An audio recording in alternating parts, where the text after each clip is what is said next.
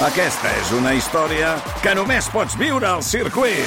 24, 25 i 26 de maig. Gran premi Monster Energy de MotoGP al circuit de Barcelona, Catalunya. Compra ja les teves entrades a circuit.cat. Viu-ho!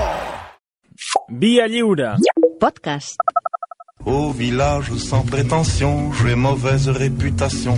Je me démène ou que je Que reste execrables. Què? Bon dia. Bon dia, bon dia. Estàs Bon espantat? Bueno, porto tota la setmana i veient tuits i missatges. I, És que ens obliguen. o sigui, no ho voleu tu, vosaltres, no? No. Ah, val.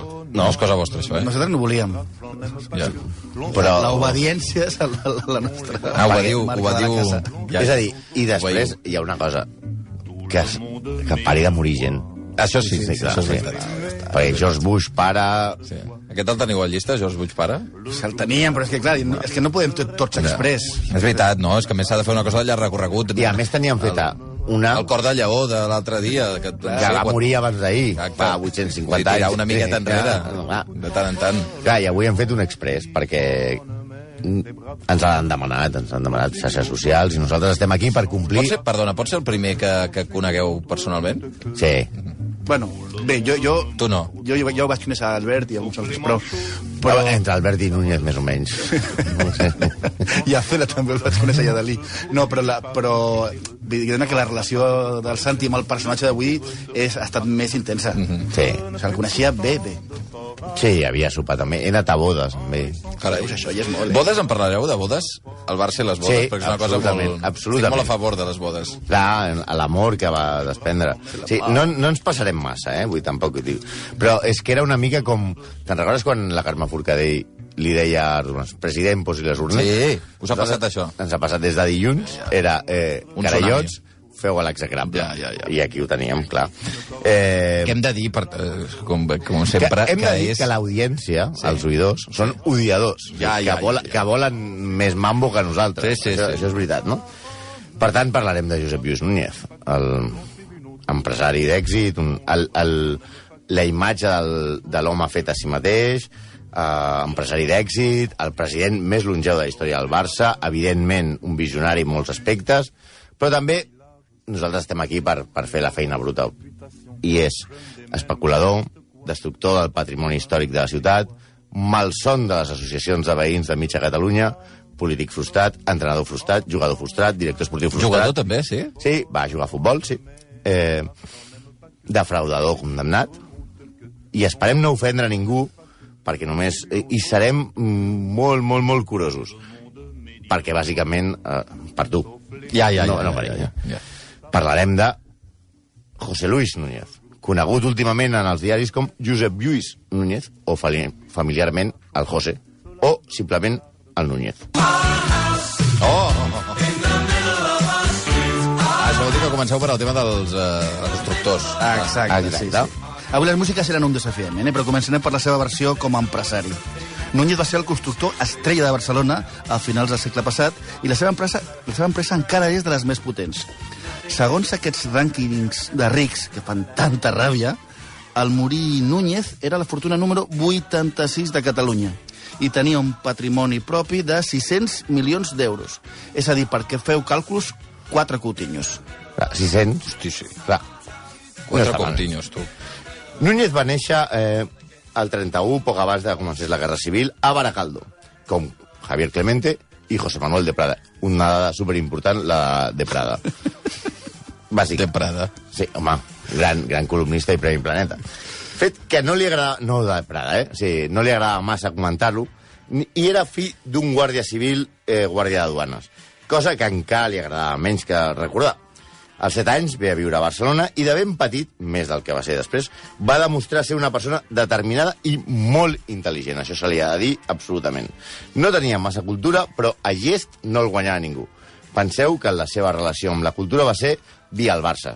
Mm, quan va fundar el museu i va organitzar una Bienal d'Art a- de, del Futbol Club Barcelona que té la frase magnífica de aquesta Bienal ha sortit tan bé que la farem cada any. M'encanta. A, a Barcelona, José Luis era un personatge perfecte per a una novel·la d'Ignacio Martínez de Pisón, el, el columnista de La Vanguardia, tipus El dia de mañana. Vol prosperar com sigui i ven assegurances i enciclopèdies al temps que estudia comptabilitat.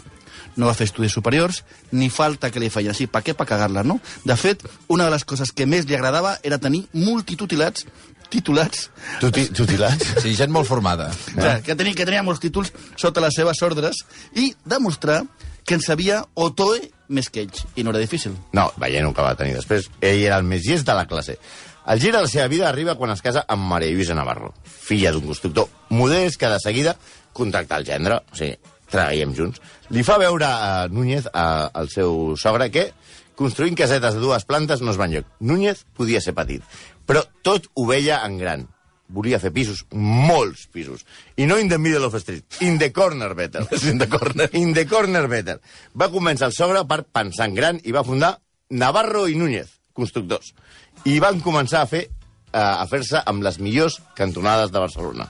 Sí, amb la publicitat de l'Ajuntament de l'alcalde Porcioles, que veia Barcelona com un immens taulell del monopoli. Pels de l'ESO... Home, se n'ha parlat molt d'aquella època de Sí. Porcioles, eh? Home, sí. I Barcelona. Pels de l'ESO, un, un monopoli és un joc de taula sense electricitat, ni bateria, ni res. Vinga. On es podia construir en els jocs més insospitats. I, de fet, eh, Núñez trinxa la ciutat. Si, arri si arriben a coincidir en el temps i espai Porcioles i Chaplana, el món hauria col·lapsat per manca de grues.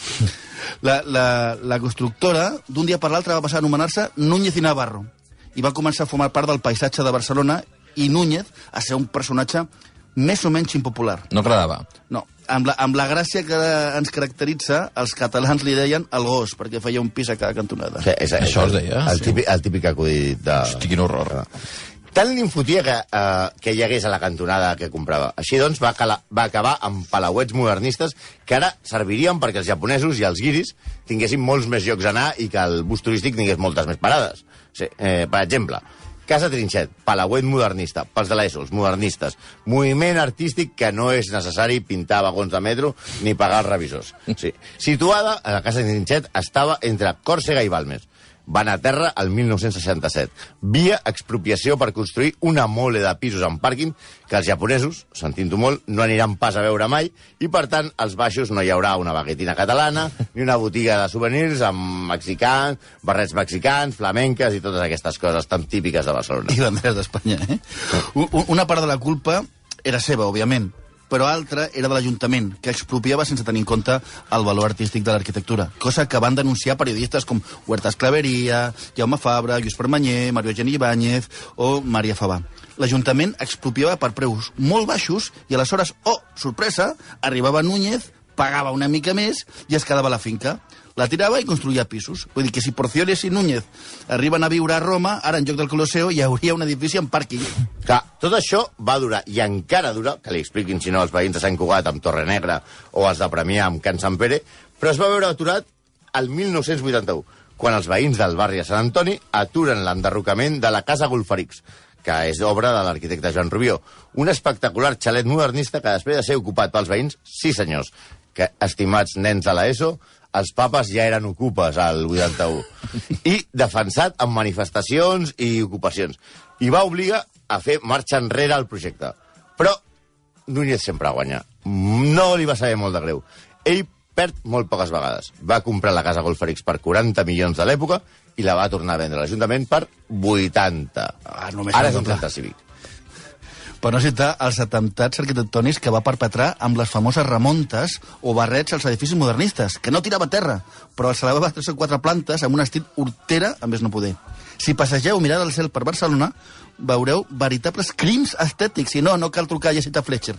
Porten la firma, la majoria, de Núñez i Navarro. Núñez era ric i dominava la ciutat, però volia més. A una conversa amb, amb Huertas Claveria, li confessa que vol ser alcalde de Barcelona. Ah, sí? Va, va voler ser alcalde. Sí, però ho veu difícil, el tio. Que potser era més fàcil presentar-se a les eleccions del Barça. Era l'any 78. No. No, això em sembla que no, eh? Perquè aquesta Bueno, música... seria molt bonic, A veure, no, per l'any l'any 78... Eh, sí, bueno, això ja, ja després, el, el tema del casament, sí. Però anem per, per eleccions, eh, tema urnes. Diguem-ne que eh, quan Núñez es presenta a unes eleccions eh, ho fa eh, amb totes les de la llei. Sí, no, no per... Aquí tenim... Veus? Frank House of Underwood, eh, House of Cards. Comparat amb Núñez, és Pericles. que Pericles, pels de l'ESO, seria no és un raper ni res d'això, sinó és l'inventor de la democràcia. La campanya a la presidència del Barça l'any 78 és eh, de les més brutes que es recorden en els últims 40 anys, i incloem eh, les últimes eleccions andaluses, primàries diverses i tot això. Núñez, en principi, no tenia massa opcions eh, de guanyar. El gran favorit era el publicista Víctor Sagí, que a mitja campanya es retira sense donar explicacions. Es veu que corria un dossier amb fotografies del candidat acompanyat de gent de l'altre sexe que no era, diguem-ne, la família, Ja. per entendre'ns. I després, eh, la Porta va ser president, eh? Sí, això a, ara no tampoc tindria massa, massa importància. Com a dada, deixarem que això de circular dossiers, eh, el comissari Villarejo tenia 27 anys. Aquesta, de- aquesta època. Sí, ja Eh. tenia 27 anys. Ja tenia 27 anys. Per tant, podia estar actiu. Ja. Descavalcat el favorit, Núñez va anar pels satèl·lits. Joan Casals es va integrar a la seva candidatura coincidint amb la presentació de les signatures i van quedar com a rivals Ferran Ariño i Nicolau Casaus. Tots dos eren rivals de pes, de molt pes, eh? El primer representava el catalanisme polític continuista de la Junta de Montal, fundador de Convergència, conseller del diari Avui i fundador de l'Enciclopèdia Catalana. Casaus Un home perillós. Dominava la grada, les penyes, un tipus amb carisma i làbia, i portava una candidatura de pes formada per gent com Carles Tusquets, eh, Josep Mu- Mussons o eh, Antoni Montanyola.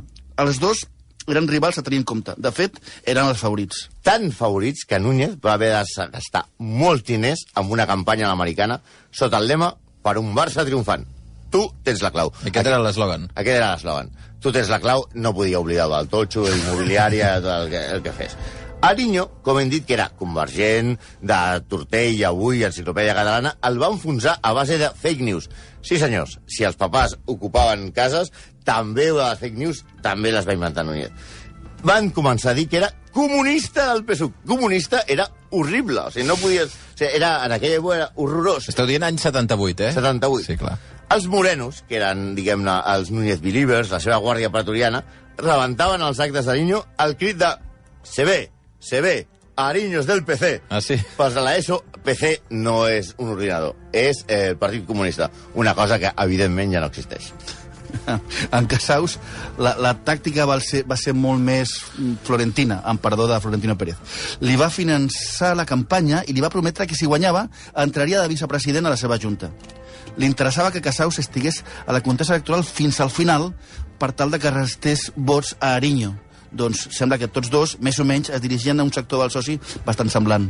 Ah, Es va començar a comentar entre els mitjans de l'època, els diaris, les ràdios, que hi havia un pacte entre Casaus i Núñez abans de les eleccions.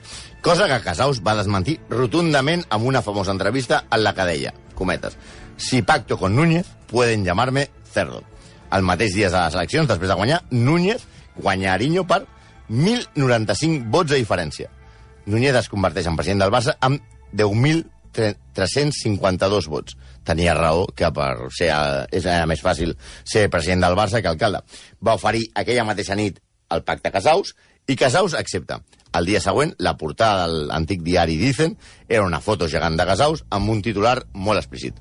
Oink, oink. Hosti, hosti, noi. Evidentment, el diari i els periodistes que hi treballaven, eh, i evidentment l'autor de la portada, que era l'històric Miguel Ángel López Barajas, els hi quedaven mesos als seus llocs de treball. Sí, perquè Dícer i López de Barajas no van ser els únics represaliats per Núñez, que sempre va tenir molt clar que la relació amb els mitjans de comunicació havia de ser clientelar. Amb ell o contra ell. Àlex eh, J. Botines també va ser declarat persona non grata i se li van pedir l'entrada a l'estadi. I el gran Morena Falcó, que escrivia, que escrivia la que, amb permís de Miguel Rico, segueix sent la millor columna que s'ha fet sobre el Barça, bajo la piel del estadio, al Correo Catalán, va ser traslladat d'esports a la pàgina d'encreuats. També hem parlat dels morenos, els Núñez Believers aquests que dèiem, que eren molt ardents. Expressaven de tant en quant, com no hi havia Twitter ni comentaris a les notícies, esperaven els periodistes al pàrquing de l'estadi per fer-los veure que els seus escrits eh, no eren massa, massa del seu gust. Com, per exemple, quan van escriure que després de guanyar les eleccions, eh, la candidatura de Núñez, i es va cantar el cara al sol a la tribuna... Bueno, no eren molt ben rebudes les crítiques. Més d'una galeta es va escapar. Eren temps molt durs, però deixem que triomfi l'amor. Ara sí. Ara, ara.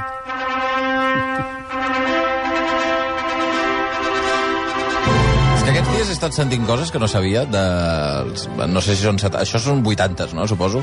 Casaments i núpcies molt curiosos a dins de Can Barça. Sí, era un home molt, molt carinyós amb els jugadors. Ja. De totes maneres, Núñez, cal dir-ho, ja s'ha comentat bastant aquests dies, no tenia no sé de casaments, però no tenia ni idea de futbol. Tot i que ell havia intentat, com ha dit el, el Santi, jugar a futbol, i, i, i ell sí, sí que s'ho pensava. També es creia un gran entrenador. No tenia secretari tècnic ni director esportiu. Ell prenia les decisions i els seus primers anys, en els que va portar eh, un, el club com una empresa, demanant 5 anys de quota per avançar els socis, tot s'ha de dir, van servir per revifar l'economia del club. Però sobre la gespa era un desastre. Fitxava el que li sonava sense cap criteri tècnic. Però els seus grans fitxatges, fets a la seva manera de pensar en gran, van donar grans tardes de glòria. Però això sí, més fora del camp que al camp. Aquí s'ha parlat molt durant l'última setmana dels seus grans fills. Maradona, Schuster, els primers dos van ser Fèlix i Tarrés, que tampoc serien, estarien al Museu del Barça. Però parlarem de dos fitxatges molt concrets en el que Núñez va intentar retenir per la via del sagrament matrimonial. Alberto Tarantini, el conejo original abans de Saviola, i Cleo. Tarantini era un defensa argentí campió del món que va ser presentat, que va ser presentat. Es va entrenar amb el Barça, va donar entrevistes i fins i tot va jugar un amistós al 78 com a jugador del Barça, però que mai va fitxar oficialment. Aleshores, només es podien tenir dos estrangers i el Barça tenia Crank i Neskens.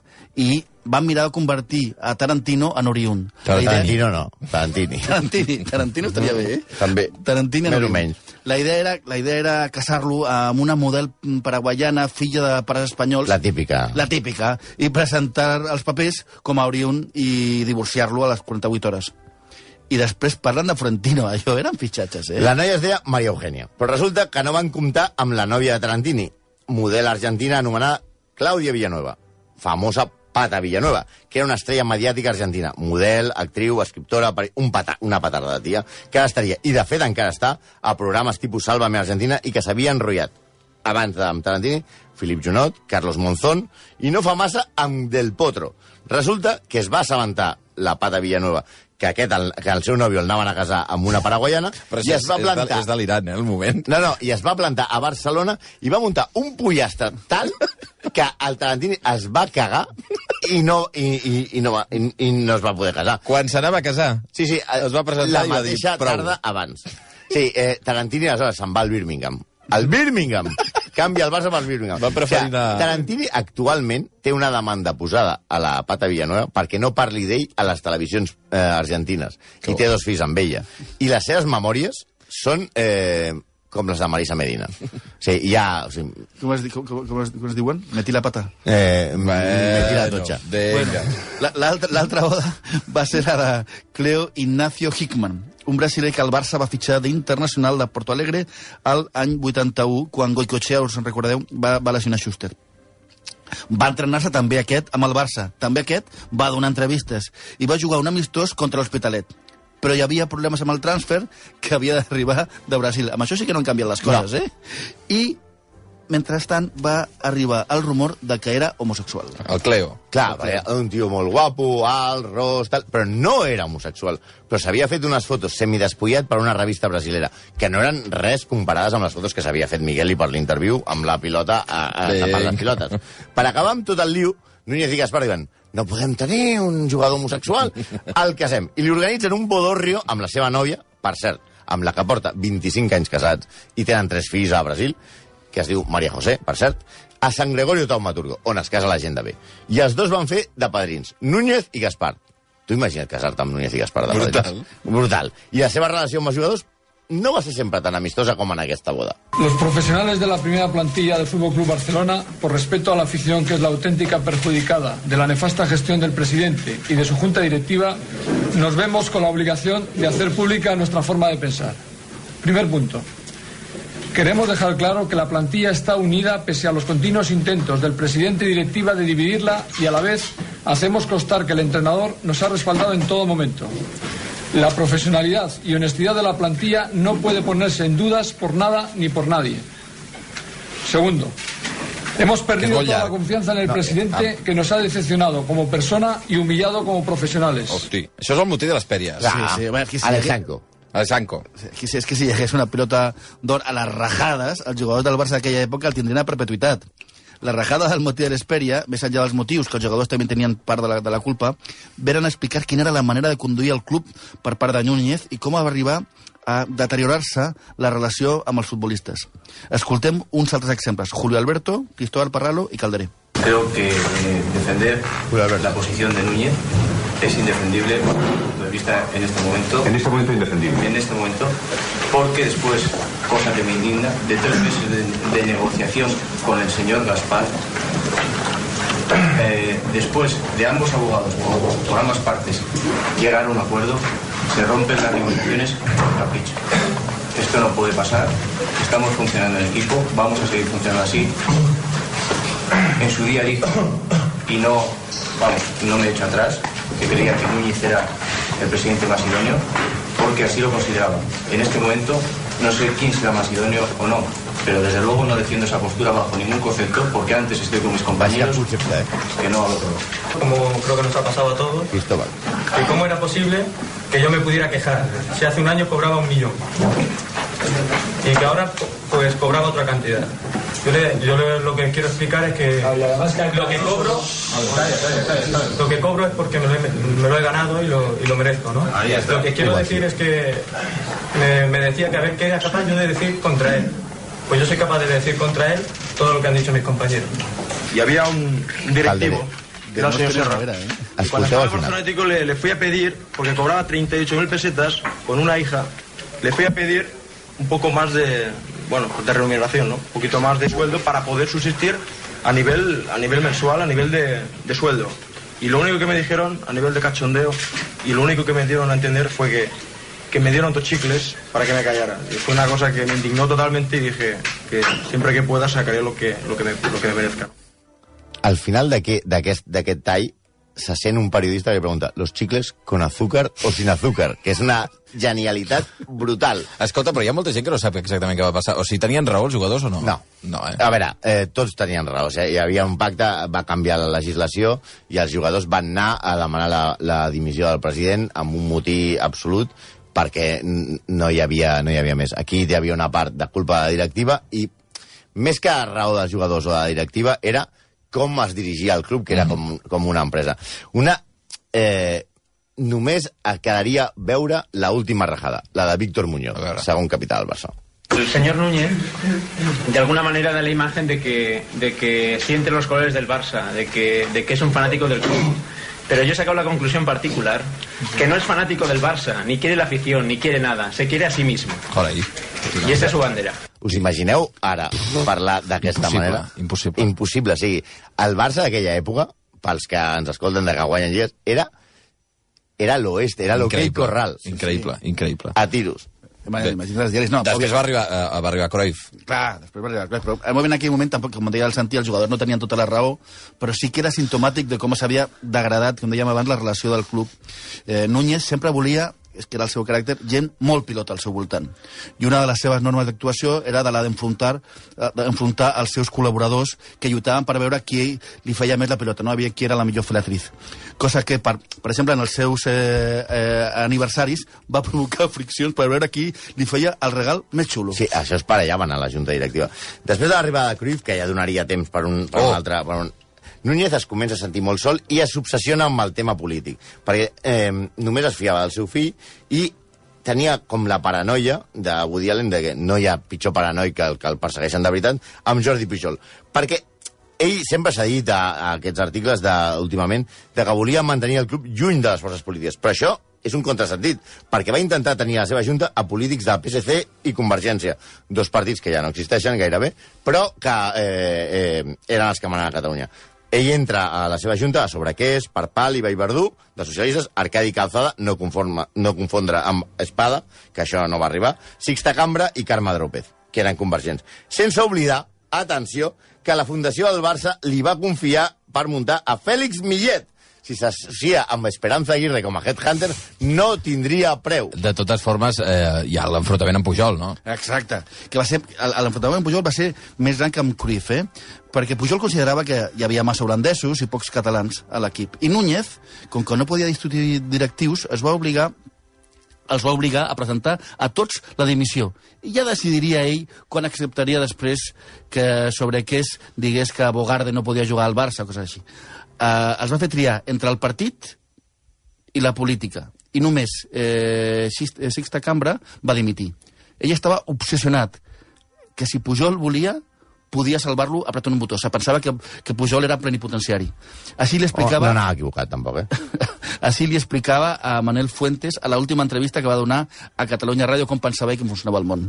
Li vaig demanar per fer la residència, li vaig demanar... Una vegada li vaig dir, per favor, allà, és públic, no, no, jo no donaria una cosa, li vaig demanar que em posés a la llista. Quina llista? Home, la llista d'aquí, vaig demanar, escolta, vull una llista que em posis aquí, i que vull, vull només vull un tracte normal que es mereix una persona que està lluitant per fer país. Però quina llista? Una llista, vull dir, suposo que té una llista aquí, al, al TV3, una llista de, de bon tractament, un tractament normal, no ho sé. Ah, Pensava que era una discoteca. eh, és que ell tenia un botó a la, a la taula on cridava la secretària i pensava que funcionava tot igual. ja, ja, ja. Però l'única llista que al final va sortir és la d'Hisenda. La justícia el va considerar aprovat que Núñez va subornar Manuel Abella, responsable d'ofici d'investigar les constructores, que de les 217 actes aixecades contra Núñez i Navarro com a empresa, Manuel Abella va supervisar 215, que van acabar amb Hisenda tornant 20,8 milions de pessetes a la constructora després de comprar-se el senyor Abella dos pisos de Núñez i Navarro a meitat de preu. Sí, el cap de la unitat d'Hisenda de Barcelona, José Lucas Carrasco, tenia, a més de diners a Suïssa, 22 finques de Núñez i Navarro. Quina casualitat, no? que Escrit és NIN. També altres inspectors com Aguiar, Huguet i d'altres que van ser els causants de la primera caiguda política de Josep Borrell, No, no, aleshores, no suficientment necessària. aleshores ministre d'Hisenda, amb una trama creada per uh, Joan Josep Folchi, vinculat a Javier de la Rosa. Davant d'aquests problemes i a l'aturada davant dels veïns a les Corts del Pla Barça 2000, que encara seguim tirant-lo, que suposava la demolició del Ministeri, que encara segueix allà, per fer 1.600 pisos, 6.200 metres quadrats de bars, en això estem bastant a favor, Molt a favor. i 14.000 metres quadrats de locals comercials i 26 sales de cinema, menys mal que no es va fer perquè realment no, no, no aniria enlloc, va decidir Núñez plegar, no sense acusar abans els veïns de les Corts de protegir més a les prostitutes de la zona que al Barcelona. Fet que va provocar un il·lustre veí de la zona com Quim Monzó fes un article eh, memorable descobrint que la seva mare era en realitat una proxeneta. També cal reconèixer que Núñez va fer un gran favor, un grandíssim favor, a còmics i imitadors. Això sí, això sí. Sí, com diu avui eh, David Caravent a de La Vanguardia, potser no hi ha gent tan important, però no ens riuríem tant. Quícir. Quícer. Dos minuts i un quart de 12 del matí, execrables, gràcies, eh? Eh, T'has quedat bé? Bueno, vaig tirant. Vale. I Dos fins minuts. aquí els execrables a Via Lliure. Dos minuts i un quart de Una 12. foto per si ens foten fora, eh? Sauf les aveugles, bien entendu.